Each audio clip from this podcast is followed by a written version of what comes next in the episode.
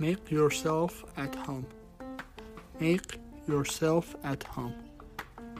Make yourself at home يعني ارتاح البيت بيتك مثلا إذا يجيك زائر مثلا واحد من أصدقائك يزوركم راح تقول له make yourself at home يعني ارتاح البيت بيتك. Make yourself at home.